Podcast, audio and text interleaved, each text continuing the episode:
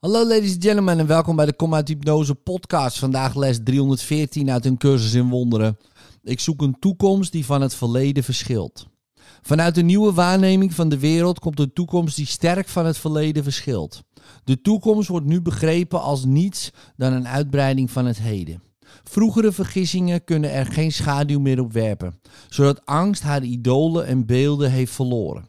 En nu ze vormloos is, geen gevolgen heeft.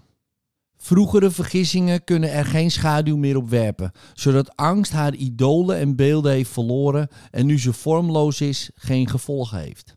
De dood zal nu geen aanspraak op de toekomst maken, want nu is het leven haar doel en al de benodigde middelen worden met vreugde verschaft. Wie kan verdriet hebben of lijden wanneer het heden is bevrijd en het zijn veiligheid en vrede uitbreidt in een rustige toekomst vervuld van vreugde? Vader, we hebben ons in het verleden vergist en kiezen ervoor het heden te benutten om vrij te zijn. Nu leggen we de toekomst in uw handen en laten onze vroegere vergissingen achter ons, in de zekerheid dat u uw huidige belofte zult houden en de toekomst zult geleiden in hun heilige licht. In liefde, tot morgen.